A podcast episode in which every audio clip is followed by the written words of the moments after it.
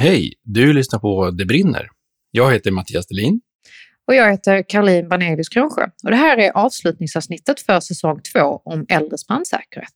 Ja, det blev eh, ganska många avsnitt och nu tänkte vi bara summera lite kort egentligen. Och så har det dykt upp lite frågor längs vägen och de ska vi också ta oss an i den mån vi har lyckats hitta svar på dem. Precis. Och vi kan också konstatera att eh, efter att ha gått igenom de här avsnitten i podden så vill vi i hög utsträckning bo kvar hemma. Och i Sverige så generellt så har vi dessutom en kvarboendeprincip, det vill säga att vi ska bo hemma och vårdas hemma så länge det är möjligt.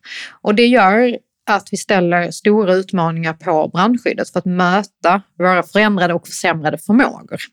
Och för att underlätta för dig som lyssnare, som anhörig, som äldre, som beslutsfattare i kommunen och så vidare, så finns det material att tillgå på både Myndigheten för samhällsskydd och beredskaps hemsida och på Socialstyrelsens hemsida. Mm.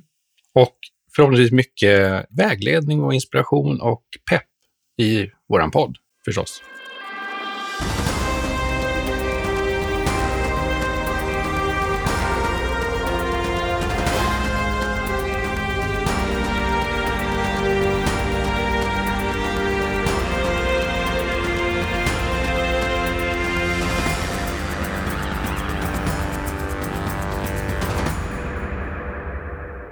Jag tänkte på det Mattias. Vi, eh, vi ställde tidigt en fråga kring rökning. Hur många det är som röker i Sverige. Mm. Och det lovade du att uh, titta närmare på. Och det har du gjort. Ja, det har jag gjort. Och eh, det är så här, Folkhälsomyndigheten, de ger ut en årlig rapport om folkhälsan i landet och där är rökning med.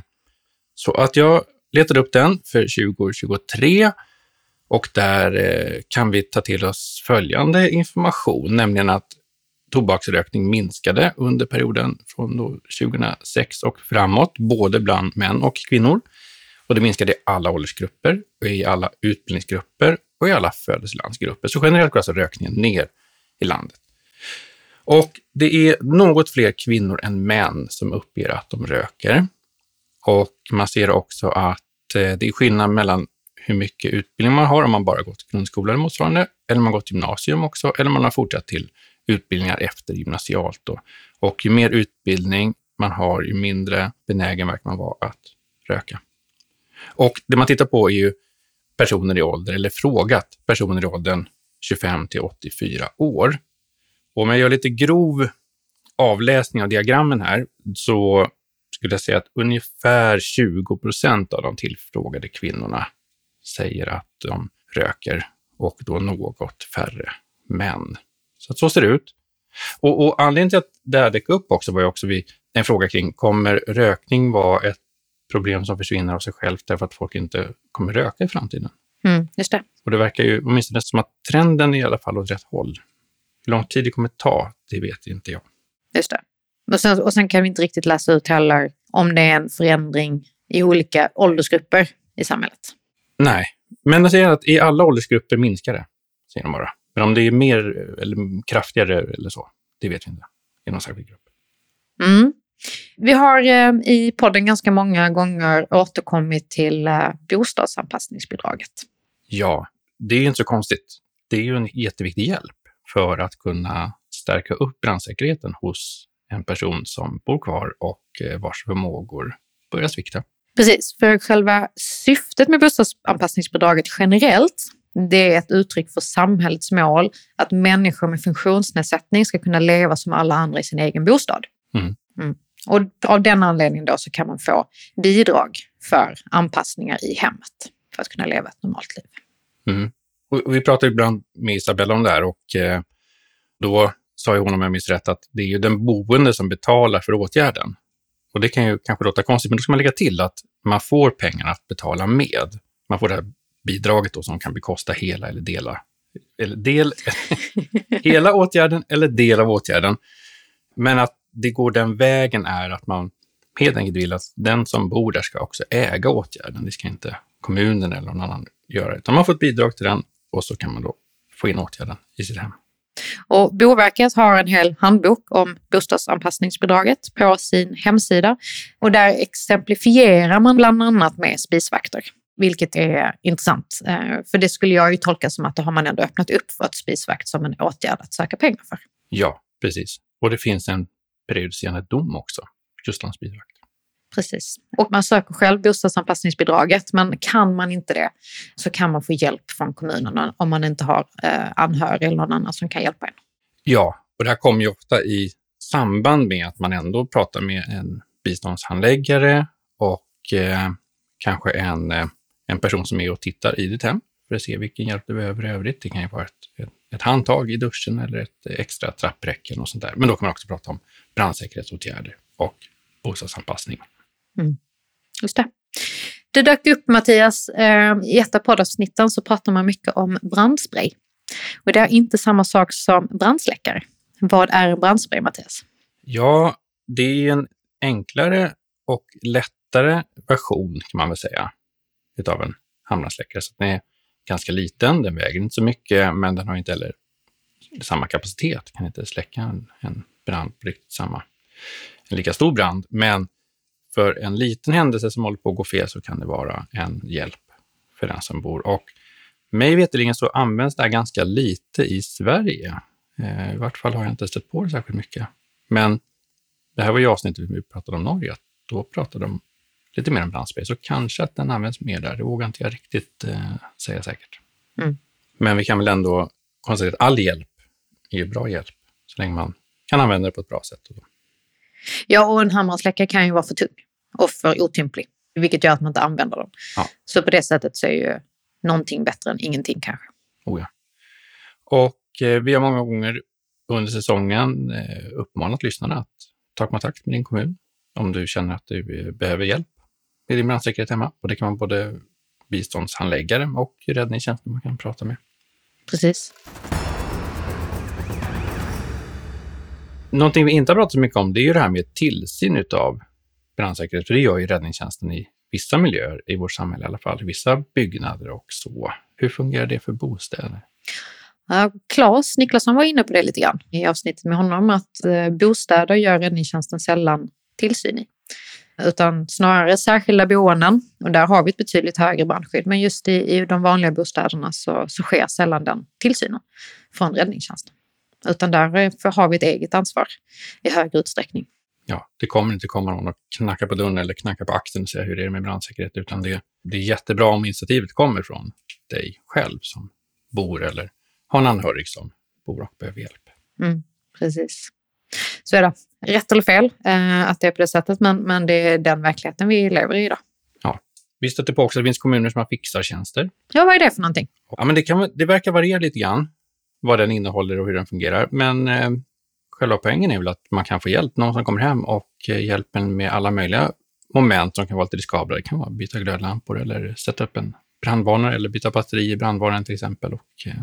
och, det, och det kan också kosta en slant i vissa kommuner. I vissa kommuner kan det vara gratis. Eller att en viss insats upp till en viss tid är gratis och så vidare. Det, det kan se lite olika ut. Men just att man kan få hjälp med åtgärder i hemmet. Så det är återigen, prata med din kommun. Ja, eller kolla på deras hemsida eh, om du har möjlighet. Eh, mycket information finns ju tillgå på hemsidan också när det gäller den här typen av, av saker. Mm. Vi, vi har också pratat här Mattias om att eh, koppla trygghetslarmet till brandvarnaren och det, att det inte finns i alla kommuner. Nej, men det ändå verkar ju vara ökande som det låter. Det är fler och fler kommuner som går åt det hållet. Mm. Och det hade varit bra om ännu fler Det vore jättebra. Du skyndar på ja. den processen, processen ja. lite grann. Ja. Och att, att, man har ett samarbete inom kommunen. Om du som lyssnar antingen jobbar på räddningstjänsten eller i, i uh, socialförvaltningen, så att ta kontakten uh, för att lära dig mer. Ja, precis. Och när det kommer till upphandlingsdags så är det ju bra att ha det här med sig i tanken. Mm. Eller prata med en annan kommun som redan har gjort resan för att lära av dem. Precis. Ja, och jag tänkte gå tillbaka till avsnitt ett också, där Johanna sa det, att när man börjar prata om trygghetslarm, det är också en väldigt bra tidpunkt att börja prata om brandsäkerhetsåtgärder, för att då finns det en indikation på att du inte riktigt klarar hela din säkerhet och trygghet hemma. Och då är det också ett bra tillfälle att prata om brandsäkerhetsåtgärder. Rent generellt, ja. Vad man kan göra och vad som skulle fungera bra utan att egentligen störa rutinerna i övrigt. Ja. För det är mycket det det handlar om. Att vi har ofta vissa rutiner som vi inte vill rucka på. Så det, det gäller att jobba runt dem lite grann. Vi ska leva livet, men vi ska kunna göra det brandsäkert. Mm. Men du, Karo, vad vill du runda av den här säsongen med? Jag skulle vilja runda av med att alla har rätt till ett brandskydd som motsvarar de förmågor som vi har. Mm. Att vi ska inte ha ett sämre brandskydd, vilket det i praktiken blir för att vi får sämre förmågor. Någonstans behöver det möta upp. Och just nu ligger det ansvaret väldigt, väldigt mycket på individen. Och det är kanske där det behöver ske en förändring för att säkerställa att vi får ett brandskydd som motsvarar de förmågor vi har. Ja, så att alla får samma säkerhet hemma. Precis, om vi tänker att utgångspunkten är en person som kan utrymma själv och som kan agera, som bor i en lägenhet eller en villa och har brandvarnare och en handbrandsläckare. Vad blir då nästa steg när du börjar tappa olika förmågor? Mm, precis. Du då Mattias? Jag tänker att eh, det finns väldigt mycket kunskap om utmaningarna när man blir äldre och förmågorna försämras och eh, man behöver börja kompensera säkerhetsmässigt för att fortfarande ha en, en god brandsäkerhet för sig själv. Och det finns bra med kunskap kring vad det här består av. Och det finns också god kunskap om lämpliga åtgärder, men det som Ragnar är inne på, att liksom strategin för att den kunskapen ska ta sig ända in i hemmet hos den som behöver den och att åtgärderna finns där och att brandsäkerheten verkligen etableras då och finns för den som bor där. Den kedjan är liksom inte färdig riktigt. Den fungerar ganska bra i en del kommuner, men inte i alla och inte likadant överallt heller. Så jag tänker att där finns det ett arbete att göra. Jag hoppas att vi har kunnat bidra till att åtminstone sprida mer kunskap om det här.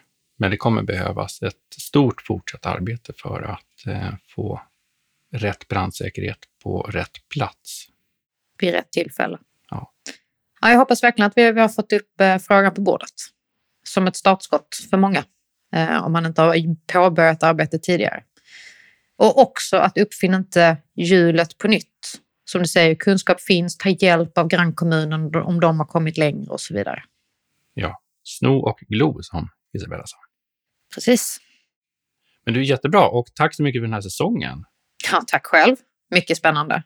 Ja, väldigt spännande. Och roligt tycker jag att höra om att det faktiskt finns så mycket bra pågående arbeten. Jag bara hoppas att det blir ännu mer.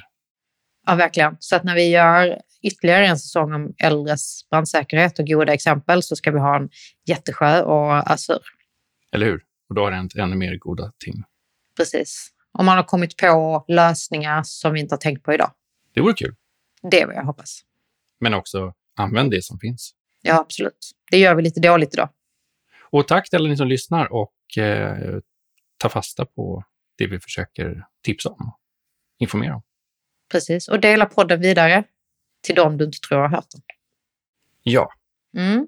Vi har ju en tanke om att göra en eh, tredje säsong. Det är på gång. Det är inte så att vi avslutar med två säsonger. Och vi tänkte fortsätta med frågor som berör många. Ja. Som eh, är stora samhällsfrågor. Så säsong tre tänker vi oss, Mattias? Den ska handla om att det brinner alldeles för mycket i våra skolor. Mm. Och vad man kan göra åt det. Och vilka konsekvenser det får för samhället i det lilla och det stora. Precis. Det får stora konsekvenser. Det kostar inte bara pengar. Det kostar mycket mer än så. Verkligen. Mer om det i säsong tre. Jajamän. Du har lyssnat på Det brinner, en podd som vill lära dig mer om brandsäkerhet. Podden produceras av Brandforsk som arbetar för ett brandsäkert och hållbart samhälle byggt på kunskap. Du kan nå oss på brandforsk.se. Där kan du ställa frågor till oss och komma med förslag på frågor för oss att ta upp här i podden. Och till nästa gång, kom ihåg att testa din och någon annans brandvarnare.